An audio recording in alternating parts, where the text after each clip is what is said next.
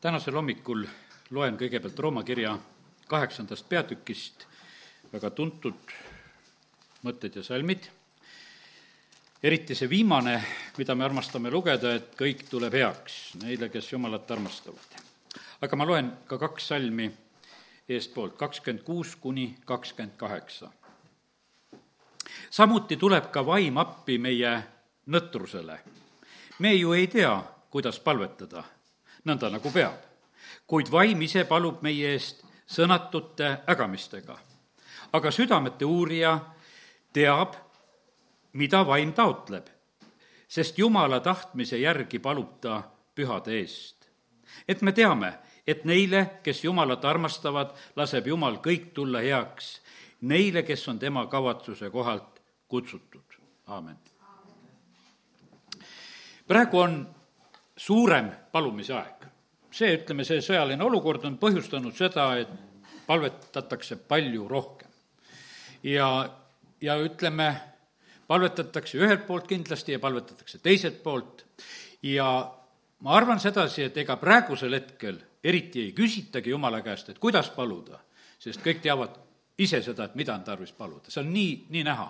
kui ma täna siin juba nimetasin, need osad on nii vihaseks läinud, et lausa vannuvad nende asjade juures juba, eh, siis, siis me näeme sedasi, et siin on midagi vist issanda käest jäänud küsimata ja, ja sellepärast täna see mõte, mida ma kõigepealt ütlen sedasi, et olgu rahuaeg või olgu kriitiline aeg, alati tasub seda küsida, et jumal, kuidas tuleb palvetada.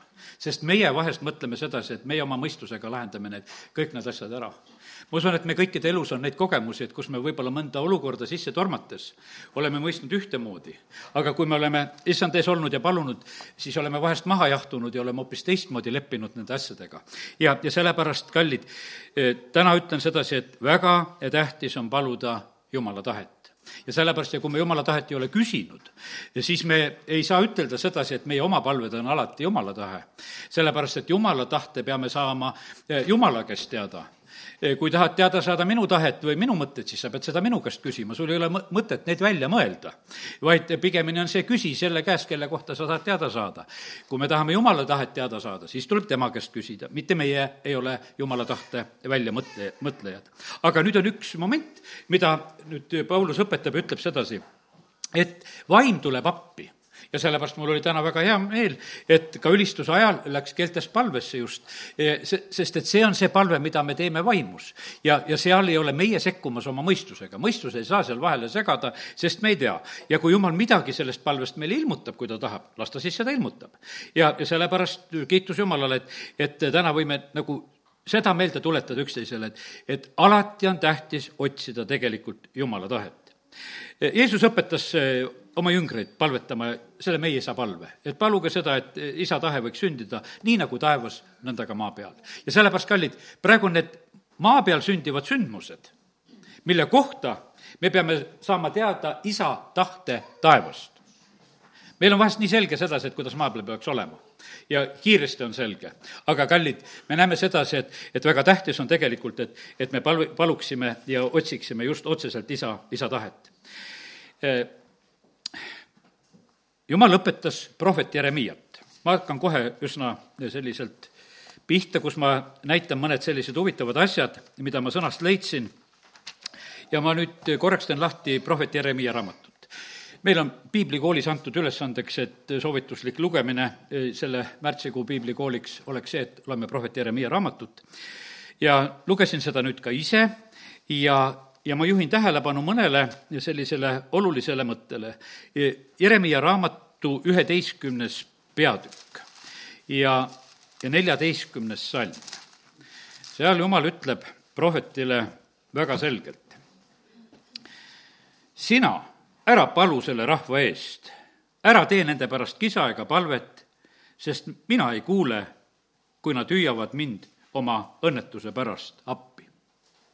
see on üks koht nüüd numbrid teistpidi, neliteist, üksteist on jälle, kus jumal ütleb Jeremiale, issand ütles mulle, ära palu selle rahva eest tema heaks. viisteist üks algab niimoodi. ja issand ütles mulle, isegi kui Mooses ja Samuel seisaksid minu ees, ei oleks mu hing siiski mitte selle rahva poolt. aja nad minu eest ära, et nad läheksid ära, aja nad minu eest, et nad läheksid ära. Kallid, ma ütlen, meil seisab vist rohkem meeles see, et alati tuleks paluda. aga pane tähele, mida jumal ütles oma sulasele prohvetile, ära palu, ära palu selle rahva eest. ja sellepärast meie me oleme vahest vägevamad Jumalast. me oleme niimoodi, et me palume kõik inimesed terveks ja me palume kõikidesse olukordadesse muutusi. no aga me peame tunnistama ka sedasi, et kõik ei saa terveks ja kõik olukorrad ei muutu. ja sellepärast, ega me Jumala tahtest niikuinii üle ei saa. ja sellepärast, kallid, eh, täna lihtsalt ütlen sedasi, et vaata, kui eh, vägevalt ja selgelt Jumal räägib, see on, ütleme, et see on praegusel hetkel täiesti nagu, kuidas ütelda, mõistusevastane jutt, et, et sellist mõtet üldse saada. Aga teate, siin on lugu praegu palju parem, sest jutt on tegelikult ju Jeremiah raamatus Juuda Paabeli vangipõlve minekust me ei räägi praegusest hetkeolukorrast, sellest vastasseisust, mis on, meil on nii hea, et me võtame ühe vana olukorra, üks rahvas ja, ja teate, kellega jumal nuhtles juudit? ikka oma naabritega. kes need naabrid olid, need tulid kallale. E, ja sellepärast on nii, et e, kui me täna ei jõua, noh, ütleme väga palju sellest eh, nagu Eh, rääkida sellest, sellest raamatust, sest ma olen üsna pikalt ja palju väljavõtteid kirjutanud endale, mis seal Jeremiah raamatust leidsin. teate, lihtsalt mõned asjad nagu nimetan ühe niisuguse lühima kokkuvõtte pealt. issand rääkis Jeremiah kaudu kakskümmend kolm aastat ta kutsus inimesi meeleparandusele. seal olid erinevad momendid, eh, kus noh, ütleme, eh, ütleme viienda peatüki esimeses salmis on räägitud seda, kus Jumal on pakkumas nagu seda armuvõimalust ja siin on öeldud, et et käige läbi Jeruusalemma tänavad ja vaadake ometi ja pange tähele ja otsige turgudelt, kas te leiate kedagi, kes teeb õigust ja kes nõuab tõde.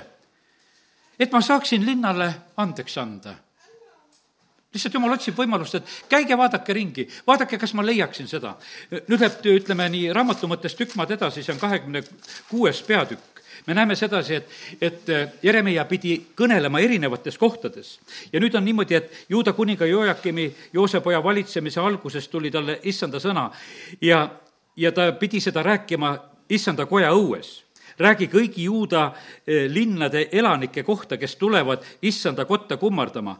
kõik need sõnad, mis ma olen käskinud teile rääkida, ilma sõnagi ära jätmata ja teate, mis see mõte oli? et vahest nad kuulevad ja pöörduvad oma kurjalt teelt ja ma võin kahetseda, et olen kavatsenud neile kurja nende kurjade tegude pärast ja jumal pakub veel kord, ütleb, et, et mine. ennem ta käis kuningakojas, ütles, et kuningakojas ütles sellele kuningale sellel hetkel, ütles, et tead, see on niisugune lugu, et, et eh, sind, eh, sind ei maeta, sind lohistatakse ja kuidas, ma ei leia vist seda kohta praeguselt täpselt ülesse, ja ütles, et see kuningakoda saab rusudeks. ja siis jumal ütles, et aga mine, mine veel jumala kotta, eh, mine püüa rääkida seal ja nüüd on niimoodi, et karistus oli tegelikult otsustatud Jumala poolt. meeleparanduse võimalused olid pakutud aga meeleparandust ei võetud vastu ja sellepärast karistus tuli. ja kõik see läks täide, mis prohvet Jeremiia raamatus on räägitud, nii et äh, seda ma täna pikemalt palju jutustama ei jää, lihtsalt nimetan, aga mis olid need patud, mille pärast see lugu niimoodi oli. mõned asjad olen välja kirjutanud, mis patud Jumalale nagu ette jäid. hingamispäev, äh, väga huvitav, ma panin tähele sedasi, et, et Jumalat häirisid näiteks piirangud, äh, kästi inimesi vabastada see on kolmekümne neljandas peatükis, lihtsalt selle koha ütlen ka. E, sest et vaata, Iisraelil oli see seadus, et kui keegi on orjaks võetud, siis tuleb teda iga seal seitsme aasta järel tuleb vabastada ja, ja juubeliaastal oli veel kõige suurem vabastamine, mis käis. ja nüüd on niimoodi, et e, Jeremiah e, kolmekümne neljandas peatükis räägitakse seda, et, et ei, ei vabastata. üheksas salm siin ütleb seda, et igaüks pidi vabastama oma sulase ja teenija üksteist salm ütleb, et hiljem nad tagas, taganesid sellest. ja siis nüüd on niimoodi, et seitsmeteistkümnes salm ma loen. seepärast ütleb issand nõnda. Te ei ole kuulanud mind, et oleksite kuulutanud vabastust igaüks oma vennale ja ligemisele. vaata, mina kuulutan teile vabastust, ütleb issand, mõõga, katku ja nelja abil ja panen teid hirmutuseks kõigi kuningriikidele maa peal minul on praegusel hetkel on see, me näeme sedasi, et noh, ma mõtlen sedasi, et meil on praegusel hetkel üle maailma igasugused piirangud on kaela löödud, mis on löödud. ja meilt on nagu sellisel moel on vabastus võetud. teate, jumal tunneb nendes asjades kaasa sellepärast, et kui mõni ütles vanasti sedasi, et kui, kui suitsetamise oleks, oleks jumalast, siis jumal oleks korstna meile pähe teinud. aga, aga jumal on teinud meile hingamise, et see on jumalast ja tema ise puhus meile hinge õhku meie sisse ja ta ei teinud mitte mingisugust kunstlikku hingamist, ei lappi ei pannud peale sinna. ja, ja sellepärast, kallid, ta ise puhus meisse sedasi ja meid on põhimõtteliselt, meid on piiratud selles asjas. ja teate, jumalat see väga tegelikult riivab. ja sellepärast jumal ütleb sedasi, et, et ma ei salli sellist inimeste vangistamist, mida, mida siin teete, miks te ei vabasta? miks te ei vabasta, see on paljudele praegusel hetkel on küsimused, milles on küsimused, et miks, miks seda kõike praegused piirangud on tegelikult kõikidele riikidele on ohtlik mäng, kui ma seda eh, lihtsalt siit jumala sõnast loen ja näen. sest issandale läksid need korda, ta ütleb, et ma vabastan siis mõõga ja nälja ja katkuga ja siis ma hakkan ise siin tegutsema, eh, kui teie ei oska vabadust anda oma, oma rahvale. ja, ja sellepärast üks, üks teema oli see, järgmine teema, teate, mis on jumalale väga vastumeelt, on, mille pärast karistused tulevad. mis toimub eh, kohtusüsteemis? kas kohus mõistab õieti kohut? See on, väga läheb korda ja teate, me peame praegusel ajal nägema, et riikide kohtud on sellised, eh, kus mõistetakse kohut eh, selle soovi järgi, millist tulemust nad tegelikult tahavad. tehakse ülekohut osad on ette õiged ja osad on ette süüdi. ja siis on niimoodi, et juba kuulutatakse ette, et ta on süüdi ja siis on vaja ainult see süü kuidagi ära tõestada, kõiki nad ei suuda seda alati tehagi, aga põhimõtteliselt on see niimoodi, et vintsutatakse ja vaevatakse inimesi kohtusüsteemis. ja, ja sellepärast ja jumal paneb väga tähele, sest et Jeruusalemma koha pealt oli väga tugev patt, patt oli see ka. siis oli väga suureks patuks oli see, et preestrid ja prohvetid toetasid kuritegevust no me mõtleme sedasi, et loomulikkuses nad ei peaks seda toetama, aga me näeme seda, et seal seda tehti ja sellepärast tuli see, see karistus. ma täna noh, lihtsalt räägin sedasi, et ega see ei tulnud umbes, vaid, vaid see tuli ikkagi Jumala poolt väga teadlikult, sest ta ütles, et ma ei saa karistamata jätta. kallid, Jumala karistus on ka õnnistus ja, ja sellepärast, kallid, me ei pea mitte ehmatama. kuulasin ühte vene preestrit, kes siin alles hiljuti rääkis, ütles, et sedasi, et me oleme harjunud, et Jumal on armastus ja aga Jumal on püha vihaga Jumal, Jumal on see vägede issand, Jumal on on ärahävitav tuli. me jätame osad, osad nagu asjad nagu kõrvale kuidagi, et noh, et muist asju nagu jumal enam ei tee. ei, ei ole jumal oma olemuselt mitte midagi ennast muutnud, ta on seesama eile, täna ja igavesti ja, ja ta on troonil ja, ja ta valitseb jumalat häirisid väga ebajumalad, teised jumalad, kelle peale sa loodad. Need olid tohutud häirijad Jumalale, sest et noh, ütleme, käskudes on kohe see selgeks tehtud ja, ja sellepärast ma ütlen, et mida Eesti on ka kohutavalt teinud, et nad on suutnud välja ütelda, et NATO on meie Jumal.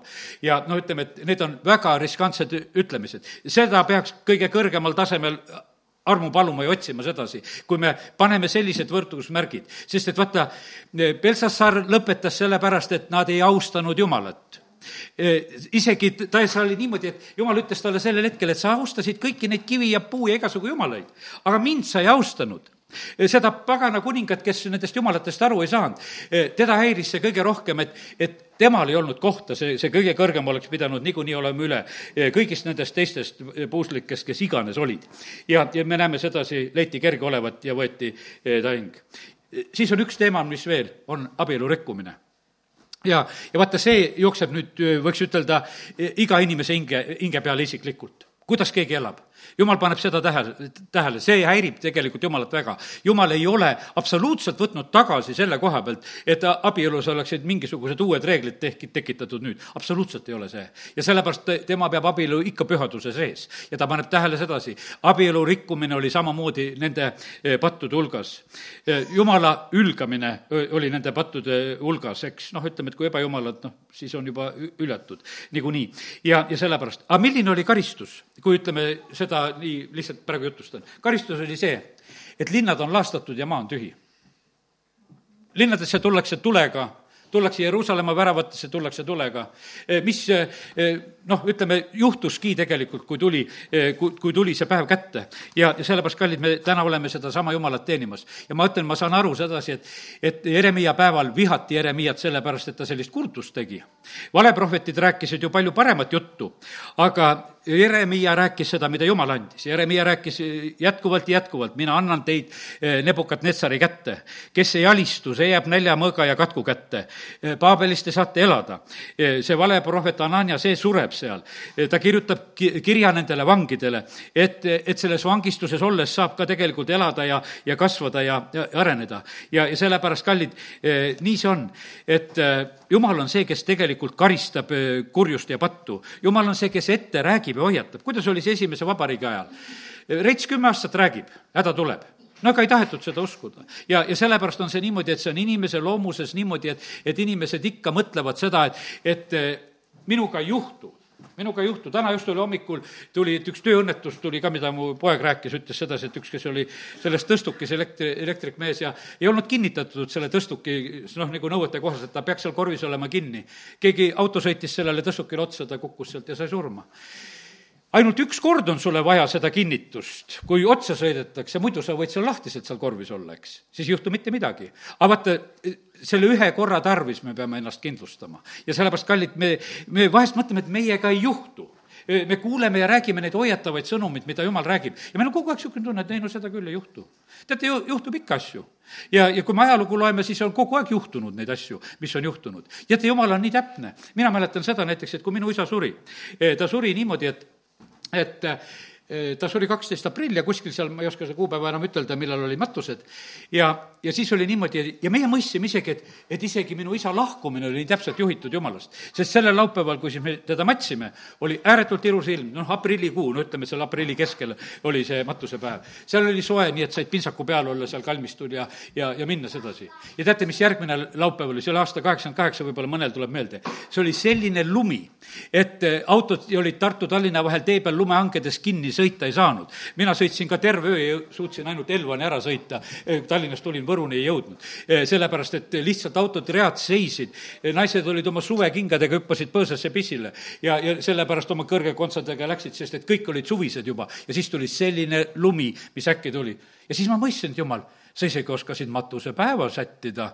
et kui meil oleks sellises lumeõnnetuses see matusepäev, väga palju oli saatjaid koos, aga jumal, sina teadsid sedasi, et ka see on sinust juhitud. ja sellepärast, kallid, meie Jumal juhib kõike, ta armastab me, meid igas olukorras. ja vaata, kui me nagu näeme neid asju ka, e, siis me võime nagu tunda rõõmu sellest, et Jumal, sina oskad seda väga hästi. ja nii ta on. nii et, kallid, väga tähtis on öö, meil tundma õppida tegelikult Jumala tahet. Jumal õpetas Jeremiat ta ütles talle sedasi ka, tead, et ma aitan sind, ta teadis, et see ülesanne on tal väga raske. sellepärast, et kui ta eh, läheb sellise sõnumiga, siis tema vastu võideldakse ja aga nad ei saa sinu üle võimust, sest mina olen sinuga, ütleb issand, ja ma päästan sinu, Jeremiah üks, üks üheksateist. ja, ja need asjad, ütleme, läksid täide, mida Jeremiah rääkis ja läksid täide ka, kuidas Jumal rääkis, et ta teda hoiab, aga siin lõpetan praegu nagu otsesemalt Jeremiah raamatu rääkimise. Läheme meie issanda palve juurde, mida ta Ketsemanis palvetas. ja, ja see on Mattiuse evangeeliumi kahekümne kuues peatükk ja, ja loeme sealt alates kolmekümne kuuendast salmist. ja seal on üks sama lugu küsimus on, et kelle tahe jääb peale? kas Jeesuse tahe või isa tahe? ja meil on õppida, kuidas meie issand Jeesus on palvetamas. siis tuli Jeesus koos nendega paika, mida hüütakse Ketsemaniks, ja ütles jüngritele, istuge siin, kuni ma lähen ja palvetan seal ja ta võttis enesega kaasa Peetruse ja kaks sebeduse poega ning muutus kurvaks ja tundis ahastust siis ta ütles neile, muing on väga kurb surmani, jääge siia ja valvake koos minuga. ta läks pisut eemale, langes silmili maha ja palvetas, minu isa, kui see on võimalik, siis möödugu see karikas minust. ometi ärgu sündigu nõnda, nagu mina tahan, vaid nii, nagu sina. noh, jüngrid jäid seal magama, ta läheb vahepeal neid äratama ta kutsub neidki üles, et valvake ja paluge, et vaim on valmis, aga liha on nõder. nelikümmend kaks salm ütleb, ja ta läks teist korda ära ja palvetas, minu isa, kui see ei saa mööda minna nii, et ma sellest ei joo, siis sündigu sinu tahtmine ja ta tuli jälle tagasi ja leidis jüngrid taas magamast ja nende silmad olid rasked unest. ja ta jättis nad sinna ja läks jälle ja palvetas kolmandat korda, lausudes uuesti needsamad sõnad. kallid, meie issand Jeesus ja sellepärast ma ütlen sedasi, et eh, saage aru, ma ei mõista mitte üle, kellegi üle kohut, kes praegu oma tahtmist paluvad. meissand palus ka oma tahtmist. noh, see ei täitunud, sest tal oli nii palju tarkust, ütles sedasi, et isa, ma tahaksin, et sinu tahe sünniks ja sellepärast me peame selle koha pealt arvestama. pastor Šapovalov ütles, et praegu on mõttetu inimesi lepitada. las sõda saab mööda. Küll nad siis ära lepivad, läheb aega, läheb võib-olla kaheksa aastat aega, võib-olla läheb kiiremini, aga nad saavad selle asja jälle nagu korda, sellepärast et praegusel hetkel on isegi raske üksteist lepitada. ja, ja sellepärast, et need noh, ütleme, need tahtmised ja teadmised on nii tugevad ja suured. Nendel inimestel on kergem, kes näevad Jumala tahet ja kes paluvad Jumala tahet ja sellepärast, et kallid, kui on jumala tahe, siis tegelikult jumal on kandmas ja aitamas meid ka kõigis nendes eh, rasketes olukordades ja asjades, millest me ka elus peame läbi minema. ja sellepärast Jeesus usaldas sedasi, et isa, no kui ei saa teisiti, no parem oleks, kui, eh, kui sõda ei oleks, aga kui teisiti ei saa, no siis usaldan ikka sind ja sa aitad mind läbi nendest olukordadest. ja, ja sellepärast nii see on, et eh, täna, näed, oleme nagu väga olulise küsimuse juures, et ära unusta küsida eh, jumala tahet. sest et, kallid, karistamine eh, on tegelikult eh, õnnistus. Hebra kirja kaheteistkümnendas peatükis öeldakse, et need on vääritud, need on sohi lapsed, keda ei kasvatata ja keda ei karistata, keda ei displi-, distsiplineerita. ja, ja sellepärast jumala karistused on heal eesmärgil.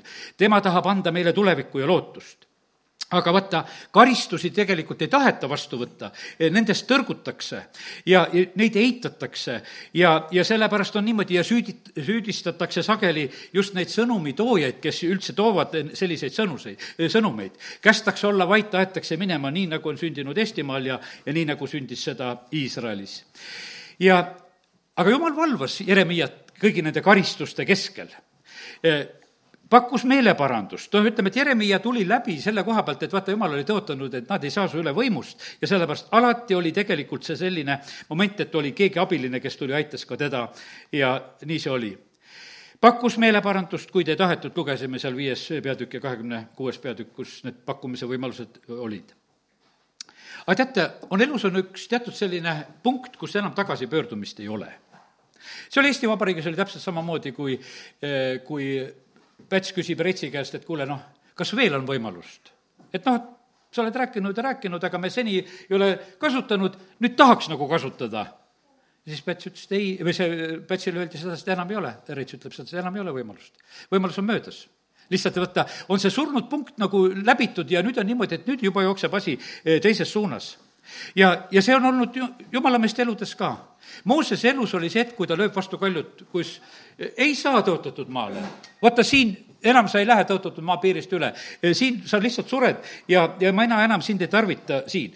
ega see ei tähenda sedasi, et jumal oleks Moosese lõplikult hüljanud, aga selles ülesandes, milles ta oli, ta enam sinna ei kõlvanud. teda võeti, Jooso pandi asemele, teda võeti sellest kohast ära. ta ei saanud enam edasi sellest, sellest punktist minna. E, mitte midagi ei olnud tal teha, olgugi et ta tahtis, olgu et ta unistas ja, aga see oli võimatu. me teame, et Iisrael, e, kui nad olid seal e, kui maakuulajad käisid ära, vaatasid tõotatud maad.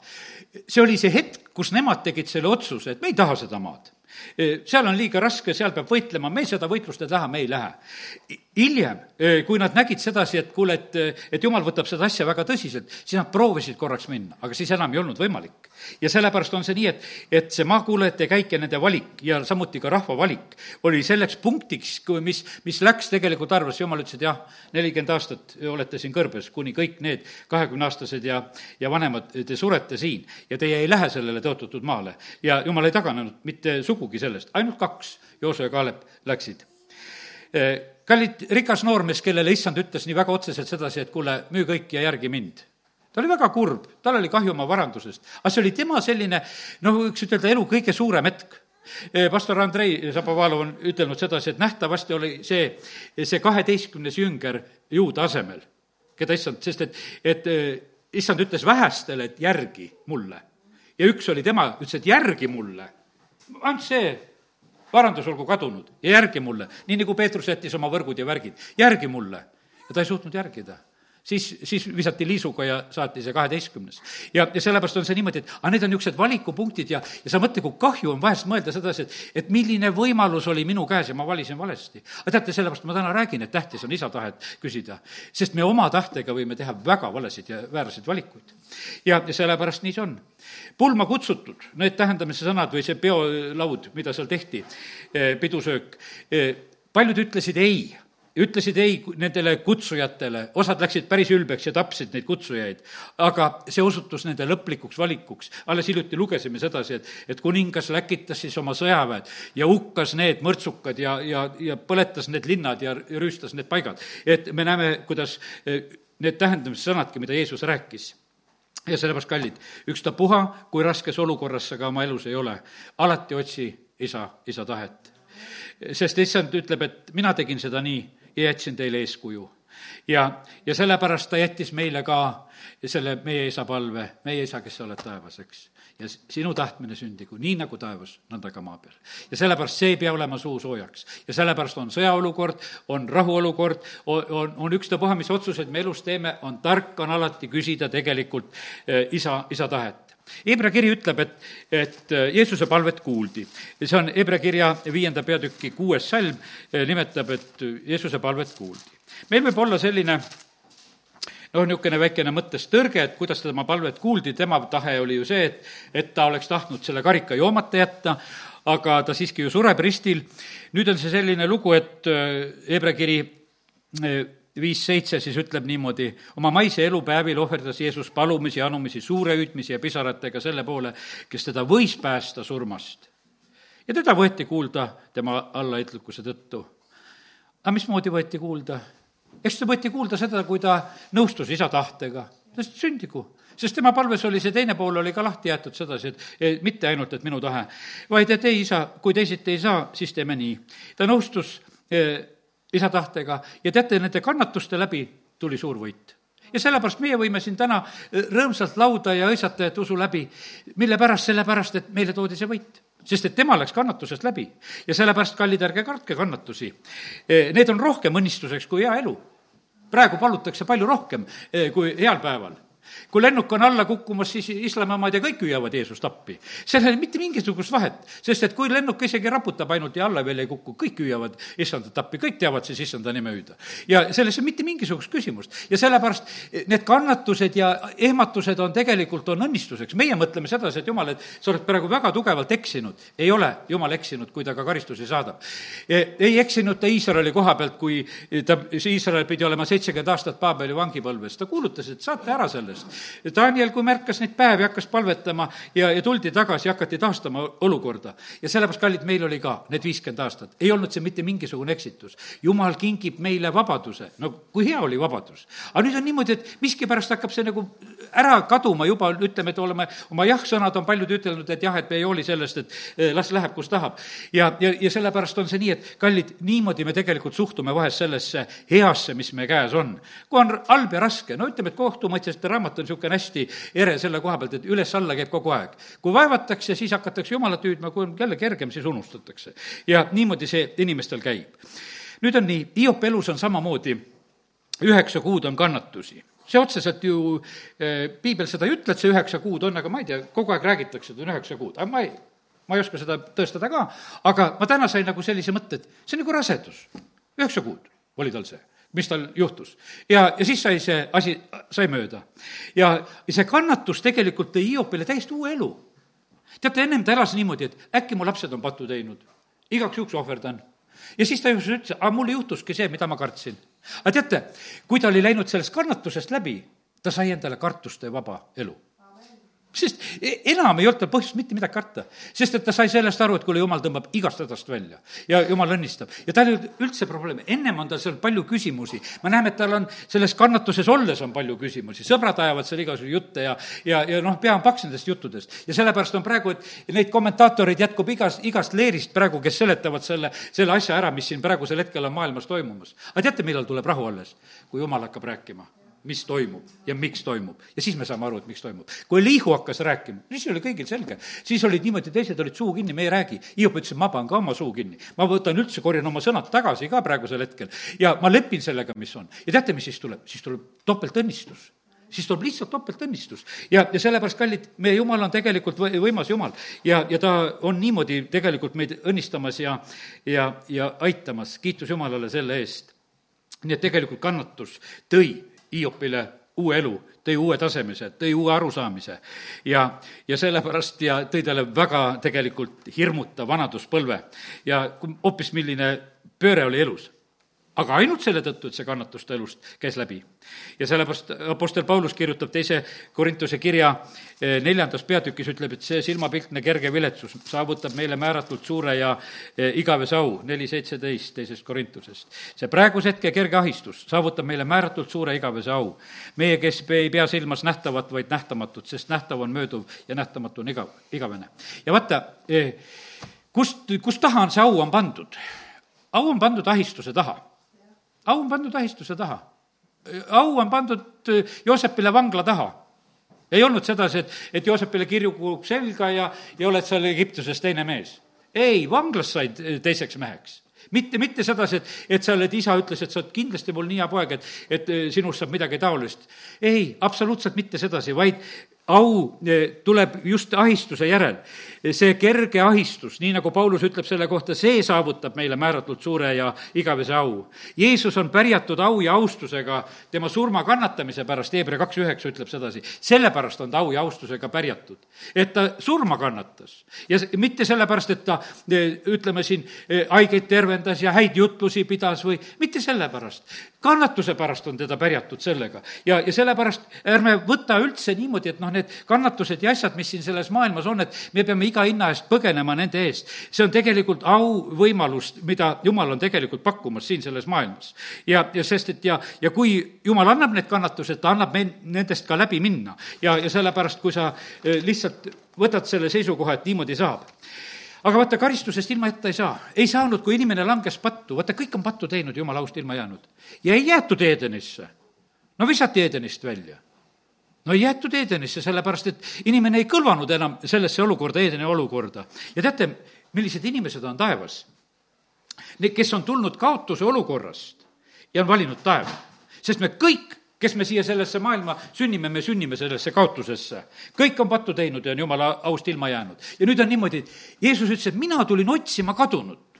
ja vaata, kõigil kadunutel on see võimalus, et saada taevasse, saada tagasi sellesse olukorda, mida kaotati. ja sest, et, et see lihtsalt on niimoodi sündinud ja sellepärast on see nii, et need olukorrad ja asjad, mis, eh, mis praegusel hetkel siin üle maailma käivad, need on tegelikult teenimas seda. ja, ja sellepärast kallid. ja ma ütlen sedasi, kui sa nüüd võtad neid, eh, selle kannatuse mõtte ja, ja selle jumala tahtmise mõtte ja noh, võtad niimoodi omaks, sellepärast et meil vahest on olnud niimoodi, et ei usklikul inimesel mitte mingisuguseid kannatusi ei ole.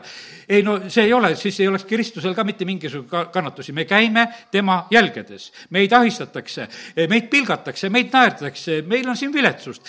kes on seal taevas? Need, kes tulevad oma, tulevad suurest viletsusest ja on oma rüüt talle veres pesnud.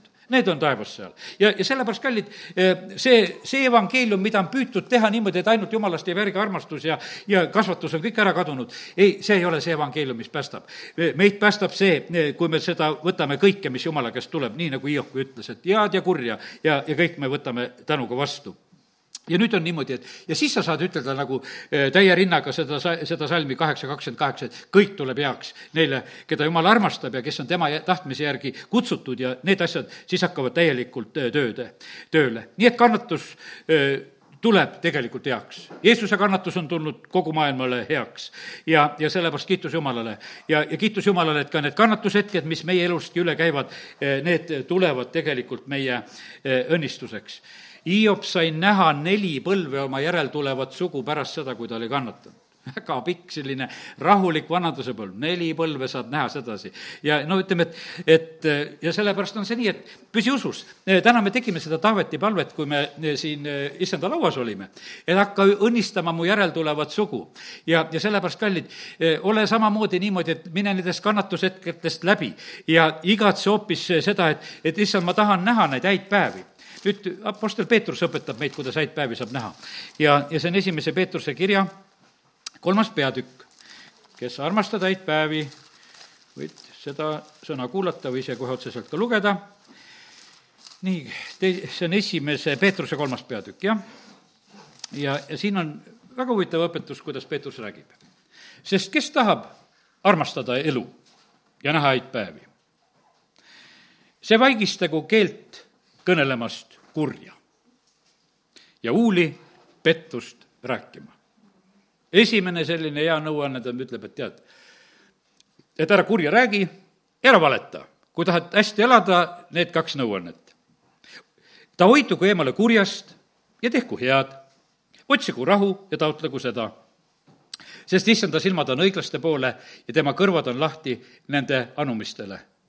issanda pale on nende vastu, kes teevad kurja. julge teha head, julge rääkida tõde siin selles maailmas. sellepärast, et, et me peame olema issanda moodi, nagu Hebra kiri algab, ütleb sedasi, et ta armastas õigust ja vihkas ülekohut nii samasugused tugevad tunded peavad olema meil ühes kui teises suunas. jumalat armastame tugevasti, aga eh, kuradit vihkame kõvasti.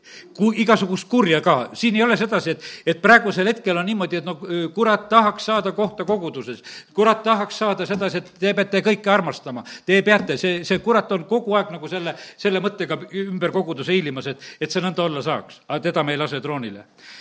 ja ja kes saab teile kurja teha, kui te olete innukad tegema, tegema head? ma loen sealt edasi. kui te peaksite kannatama õiguse pärast, siis olete õndsad. ent ärge kartke nende hirmutamistega, ärge kohku, kohkuge. nüüd on, ütleme, et, et noh, ütleme, piibel ütleb sedasi, et sõjad ja hädad, no ütleme, tulevad väga otseselt, kui Saalomon oma palves palub ütleb, et sõda on patu pärast. sest et ta ei õpeta midagi muud. palvet ütleb sedasi, et ütleb, et kui on sõda, siis rahvas peab meelt parandama ja pattu kahetsema, et otsige patt ülesse ja, ja küll see sõda ära lõpeb. ja väga selgelt õpetab seal templi pühist-, pühitsemisel seda. aga kui me kannatame õiguse pärast, teate, jumal on õiglane nendes asjades, siis ta ütleb, et me oleme õndsad. teate, on niisugused erinevad olukorrad, ma mõtlesin ühe koha pealt sedasi, et vaata, vahest on niimoodi, et et saadakse nagu varandus tagasi ja vahest ei saada. ma mõtlesin nagu sellisele momendile, et, et et kui Taavetil varastati ära seal Siklagis kõik, siis ta sai kõik tagasi. Soodoma omad ka, seal ütleme, Abram toob kõik tagasi, aga vahest rööviti jääb röövituks ja teinekord saab tagasi. ma küsisin lausa issanda käest, mis värk on? miks vahest antakse tagasi ja vahest ei anta? mik-, miks, mis on selles vahe? ja issand ütles sedasi, et vaata, eh, kui võetakse karistuseks, siis seda tagasi ei saa. noh, see on trahv trahvi tagasi ei maksta, eks. kui sinu käest varastatakse, varastatu saab tagasi. põhjust ei olnud ja võeti, varastatu saab tagasi. kui on trahv, no see on trahv, see on karistus. ja sellepärast ütles, et on mõlemad variandid on olemas. vahest on niimoodi, et me lihtsalt maksame oma patu pärast ja peame need trahvid ja asjad ära kandma. aga teinekord on niimoodi, kus võetakse ülekohtuselt. seal me võime näha sedasi, et, et seal jumal sekkub ja ütleb, jah, nüüd on praegusel hetkel, on ka, kus tegelikult ma taastan, annan kõik tagasi. ja, ja sellepärast see on, ja vaata, seda arvepidamist, teate, kes teeb? seda teeb taevas seda teeb taevas, me oleme vahest nii, tead, et oi, minu käest võeti ja, ja võeti asjad ära ja tead, küll me nõuame seda õigust ja värke. kallid, teate, teate, kui jumal tahab anda, siis ta annab. kuidas oli see Sunemi naine? ta tuleb tagasi, ta on vahepeal elanud ära, talle antakse seitsme aasta saaka, antakse seal. kui tahetakse anda, siis antakse. ja sellepärast on see nii, et, et jumal on see, kes oskab nendes asjades eh, väga eh, arvet pidada. Ja sellepärast on see niimoodi, et ja juhul kui puhul sa tunned sedasi, et sa oledki nagu eh, see kannataja, kes õiguse pärast kannatad, siis lihtsalt Peetrus lohutab ka, kuule, õnnis lihtsalt oled. Ja ära karda nende hirmutamist. vaid pühitsege issandat Kristust oma südames, olles alati valmis kostma igale ühele, kes teil pärib aru lootuse kohta, mis teis on kuid tehke seda tasadusega ja aupaklikult, omades head südametunnistust, et need, kes laimavad teie häid käitumist Kristuses, jääksid häbisse just selles, mida nad teid halvustavad. vaata, Kristuse käest saan õppida seda, et kui ta oli nendes kriitilistes olukordades, teda sõimati, talle sülitati, aga tema ei sõimanud ja tema ei sülitanud. ta sülitas siis, kui tegi pimedal silmi lahti aga see oli teise eesmärgiga. aga vihas ta tatti ei pritsinud see, see absoluutselt, täitsa, täitsa väärikalt käitis. ja sellepärast, kallid, siit on meil seda õppida ja praegu on see niimoodi, et, et vaata, kes see rääkis hiljuti ju selle näite sedasi, et see oli vist nähtavasti isegi Iisraeli sõjaväes oli selline, et, et eh, tehti, võib-olla pastor Olga Kolikova, et tehti need rahutegijad, et õpetati, et olge hästi kriitilistes olukordades rahulikud. ja, ja siis, kes olid õpetatud, need olid maailma poolt õpetatud, no lihtsalt tarkusega, teadlikult, hästi rahulikud. ja kui siis neid saadeti erinevatesse kriisipaikadesse kohtadesse, nendes kohtades tuli rahu lihtsalt selle tõttu. mul tuli meelde sedasi, et kui ma Võrru tulin ja ühte töökohta läksin, kus sõda oli, sinna lihtsalt tuli rahu, ma ei teinud mitte midagi. lihtsalt rahu tuli sinna. Et see oli, see lihtsalt juhtus, ma ei teadnudki seda, mulle pärast tehti selgeks, et meil oli sõda ja pärast tuli rahu, kui sa siia tulid. ja, ja lihtsalt, aga, aga lihtsalt see on niimoodi, vaata, sa kannad endas seda, lihtsalt seda rahu. ja see ei ole sinu oma, see ei ole sinu tarkus, aga see on see jumala rahu, mis saab olla. ja, ja sellepärast on see niimoodi, et, et tasaduse ja, ja aupaklikkusega eh, sa saad tegelikult neid olukordasid eh, eh, võita. parem on head tehes kannatada, kui see on jumala tahtmine, kui kurja tehes sest ka Kristus kannatas eh, pattude pärast üheainsa korra kõigi ülekohtuste eest, et ta teid juhiks Jumala juurde, olles küll ihu poolest surmatud, ent elustatud vaimu läbi Ke,. kellest ta läks ja kuulutas vangis olevale vaimudele, kes olid olnud sõnakuulmatud, muiste, kui Jumala pikk meel ootas noapäevil laeva valmimise ajal, milles vähesed, see tähendab kaheksa hinge veest päästeti. selle võrdkujuna päästab teidki nüüd ristimine, mis ei ole lihaliku rüvelduse kõrvaldamine, vaid hea südametunnistuse taotlemine Jumalalt Jeesuse Kristuse ülestõusmise kaudu. kes on läinud taevasse, on Jumala paremal käel, kus temale on alistatud inglid ja meelevallad ja väed. ent nüüd Kristus on ihulikult kannatanud, relvastuge teiegi sellesama meelsusega, sest kes on kannatanud ihulikult, see on lakanud patustamist. nii, et te maises elus alles jäänud aega ei ela enam inimlike imude, vaid Jumala tahtmise järgi. Ja, ja sellepärast on see nii, et Jeruusalemm pidi kord arvestama sellega, et ühel päeval on Jumala tahtmine, et see on maatasa teist korda oli veel, ütleme, et siin aastal seitsekümmend juba meie aja järgi oli ta veel kord maatasa tehtud, jälle oli jumala tahtmine, mitte midagi selle vastu ei saa. Jeesus tuleb templist välja, ütleb, et, et ei jää kivi kivi peale.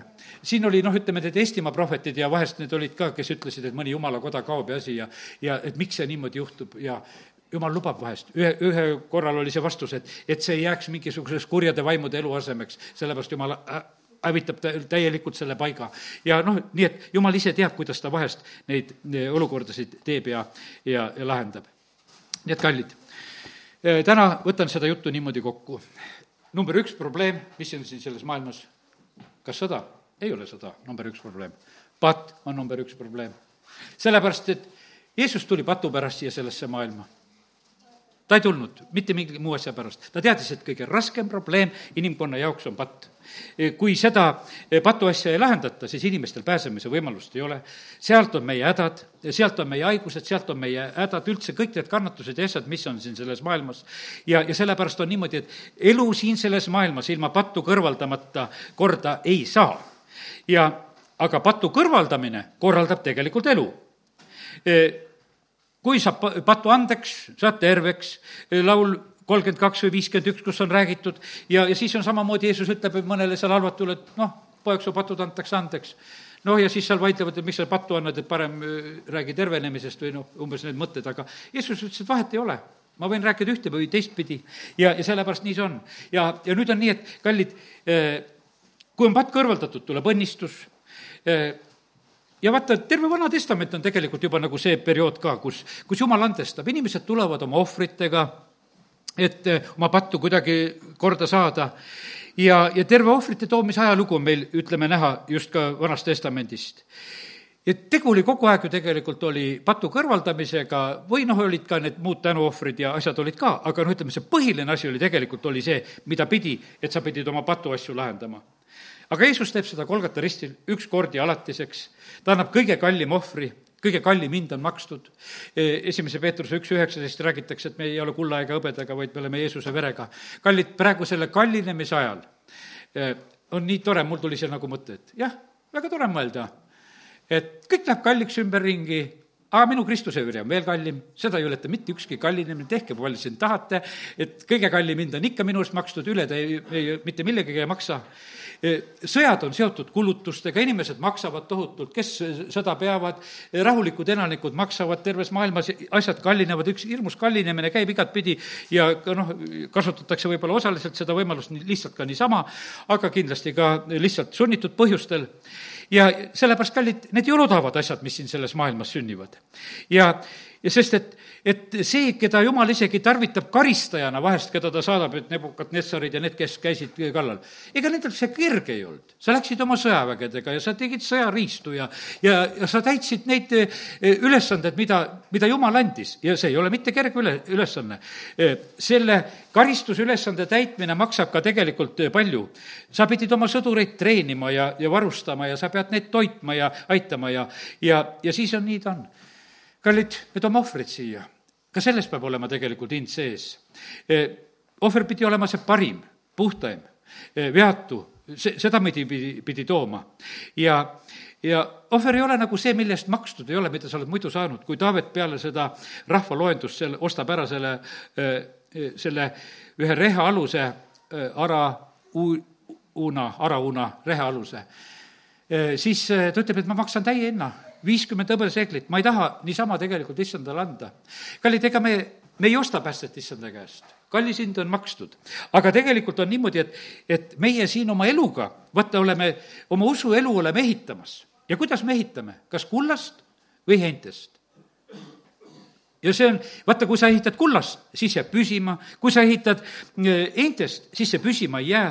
ja, ja sellepärast on see nii, et kallid, meil on ka üks osa, mida me teeme. meil on siiski täiesti noh, ütleme, et kes ehitab kullast, ta ehitab väga kallilt kes ehitab kalliskividest, ehitab väga kallilt. ja, ja sõna ütlebki, et need asjad jäävad tegelikult äh, püsima ja sellepärast, kallid, meil tasub panna see kõige parim, äh, mis meil on, issanda selle riigi jaoks ja, ja selle ehitamise jaoks, mida me vaimulikult teeme. sest et see muu võib ühe hetkega saada pühkmeks. nii nagu piibel räägib sellest, et ilmutuse raamatus, et kuidas see Paabel, ühe päevaga on kõik see toredus kadunud. kaubeldi, kaubeldi ja keegi enam ei osta ühe hetkega on kõik, on möödas.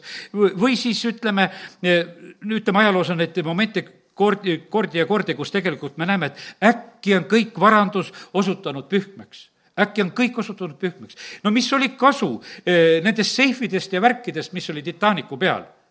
kulda ja kalliskive täis, kui laev on uppumas. mitte mingit kasu.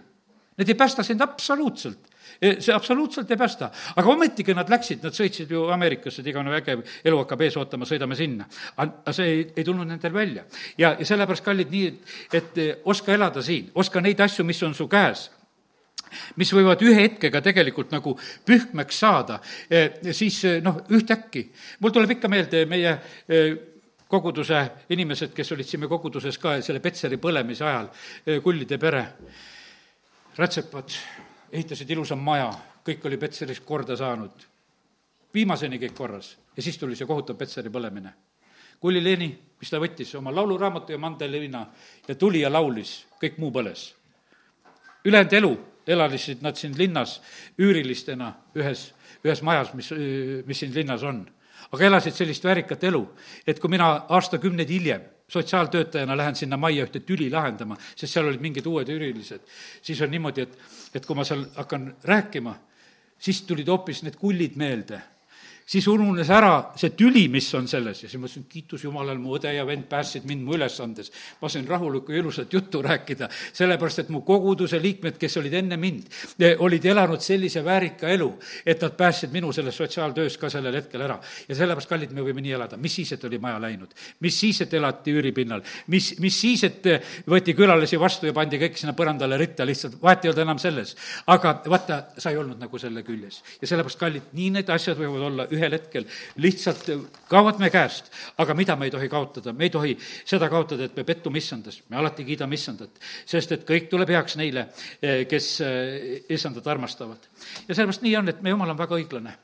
Eh, üks tähendamise sõna mida nagu issand tuletas mulle meelde, ma ei jõua vast neid kõike päris rääkida, aga see on see, vaata see tähendamise sõna, kus palgatakse ja kõiki võetakse ühe teenariga tööle. see Mattiuse kahekümnendas peatükis on see, ikkagi korraks viitan, sest issand ütles, et loe seda tähendamissõnaga. see on minu õiglus, mis, mis paistab välja, sest et praegu tundub sedasi, et nii ebaõiglane on kõik siin selles maailmas. aga no issand ütleb, et see õiglusega on asi natukese teistmoodi. ta läheb sinna palkama, ta räägib, taevariik on maja, see on sarnane, kes läks hommikul, varahommikul välja töötegijaid palkama.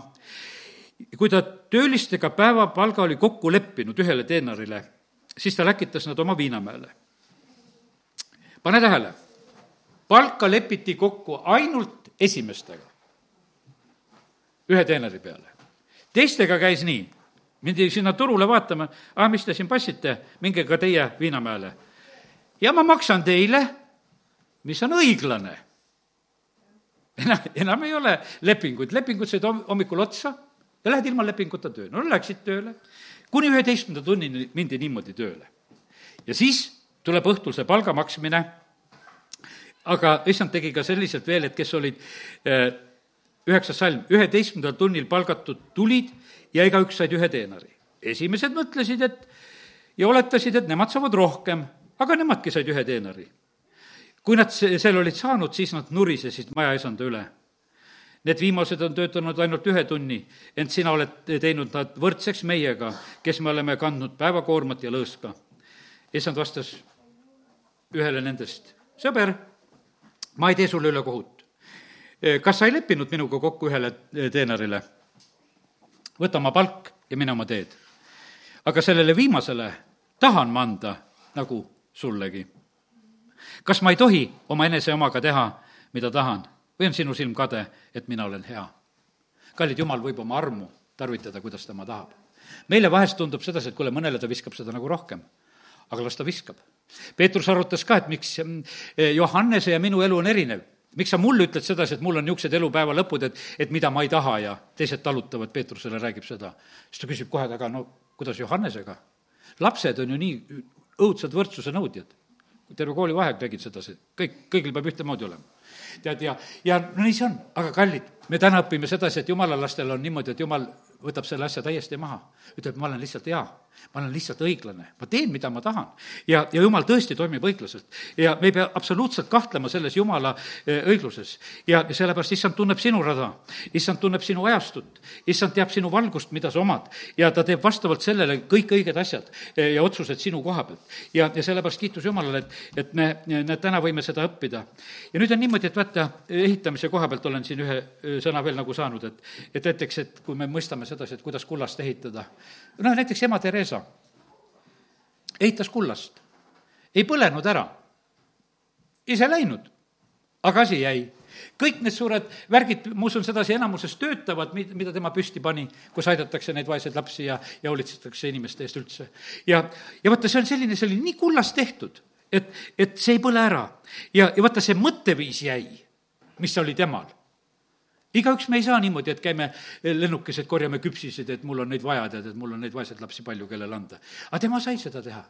ja, ja sellepärast, kallid, nii see on, et aga teise töö põleb kõik lihtsalt ära, sest et see on hoopis teise meelsusega. ja, ja sellepärast on see nii, et, et isegi sellepärast, vaata, kallid, osad linnad põlevad ja osad linnad jäävad.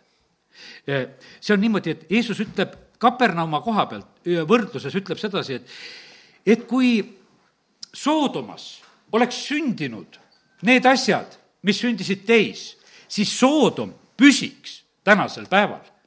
Jeesus räägib seda esimesel sajandil, ütleb, Soodom püsiks, kui mina oleksin elanud seal ja kuulutanud ja rääkinud ja tervendanud. aga Kapernaum, põrguni alla sa lähed. ja sellepärast, kallid, meil kõikidel on vastutus, isiklik, kõikidel maadel ja linnadel ja sellepärast, et ma ütlen sedasi, et ära arva sedasi, kui on linnadest ja asjadest juttu, et jumal teeb ülekohut. ei tee jumal ülekohut. Ja kui keegi teeb ülekohut, siis varastatu antakse tagasi. siis tuuakse Siklagi röövitu kõik tagasi. kõik tuuakse siis tagasi. isegi Soodomasse toodi kõik tagasi siis tuuakse kõik tagasi. ja sellepärast, kallid, eh, jumal on õiglane ja küll on hea. et vaata, ma nii rõõmustasin, mul üks uue Antsla jutlus, panin selle alles hiljuti nüüd ülesse ka, et eh, vaata, jumala seadused on muutumatud. ta ei küsi kahtekümmet protsenti, ütleb ikka kümnis, ikka kümnis. ei küsi. ütleb, et nii kui panin algusest kehtima, nii käib. ei ütle, et sõjaaeg, et nüüd on rohkem maksu vaja, ei, sellest jätkub, me võidame ja sellepärast, kallid, meie jumala seadused on muutumatud. ma sain nagu mõtte, et vaata, kui, kui üleloomulikult võimas Jumal mängureegleid mängu ajal muudaks, no kes siis võidule jõuaks? mängu ajal ta reegleid ei muuda, nii nagu ta algusest peale pani kõik kehtima. Nii on kehtimas, kuulake seda jutlust kõik meie päästeplaanid enne maailma rajamist on asjad paika pandud. teate, jumal ei ole praegu plaane valmis mõtlemas, ta on praegu plaane täide viimas amin. halleluuja, isa, me täname sind selle tänase hommiku eest ja me täname sind, Jumal, et et sinu rahu täidab meie sü-, südant, kui me, issand, tuleme sinu lähedale, kui me kuuleme sinu sõnu. isa, me täname sind, et me võime täna lihtsalt leppida sellega, et las sünnib sinu tahe siin selles maailmas. Me õnnistame praegusel hetkel kõiki neid inimesi, kes on hädades ja nendes sõjaolukordades ja asjades, aga issand, julgen ikka seda paluda, et sündigu sinu tahe. isa, me täname sind, see on parim, see on äratamiseks parim ja see on maadele ja rahvastele parim, sest jumal, sinu eesmärgid on palju kõrgemad ja kaugemad ja sellepärast, Jumal, me täname sind. Me täname sind, Jeesus, et sa oled ise kannatusest läbi läinud ja see on olnud isegi meie jaoks kõige parem ja isa, me täname sind, et Iisrael on läbi läinud nendest hävingutest ja röövimistest ja, ja, ja põletamistest ja kõigest. ja me täname sind, Jumal, et sa ei ole lõpetanud oma häid plaane. isa, me täname sind, et me Eesti rahvana oleme läinud läbi orjaaegadest ja, ja igasugustest okupatsioonidest ja erinevatest aegadest oleme läbi läinud. ja isa, sa näed, et võib-olla oleme küll väga vähe õppinud sellest, aga lihtsalt me täname sind, et, et sa oled ikka valmis meid õpetama, vahest rääkides ja vahest ka karistades. ja sellepärast, issand, me täname sind, et me võime täna ka siin selles kojas ütelda seda, et jumal, sündigu sinu tahtmine. ja issand, me usume seda, et tagantjärgi me vaatame seda, et, et kõik on väga hästi täht-, tehtud. sa oled hoolitsenud hästi ja, ja sinu, sinu parima kaudu tegelikult sünnib ka parim meie eludes. isa, kiitus ja tänu ja ülistus sulle, amin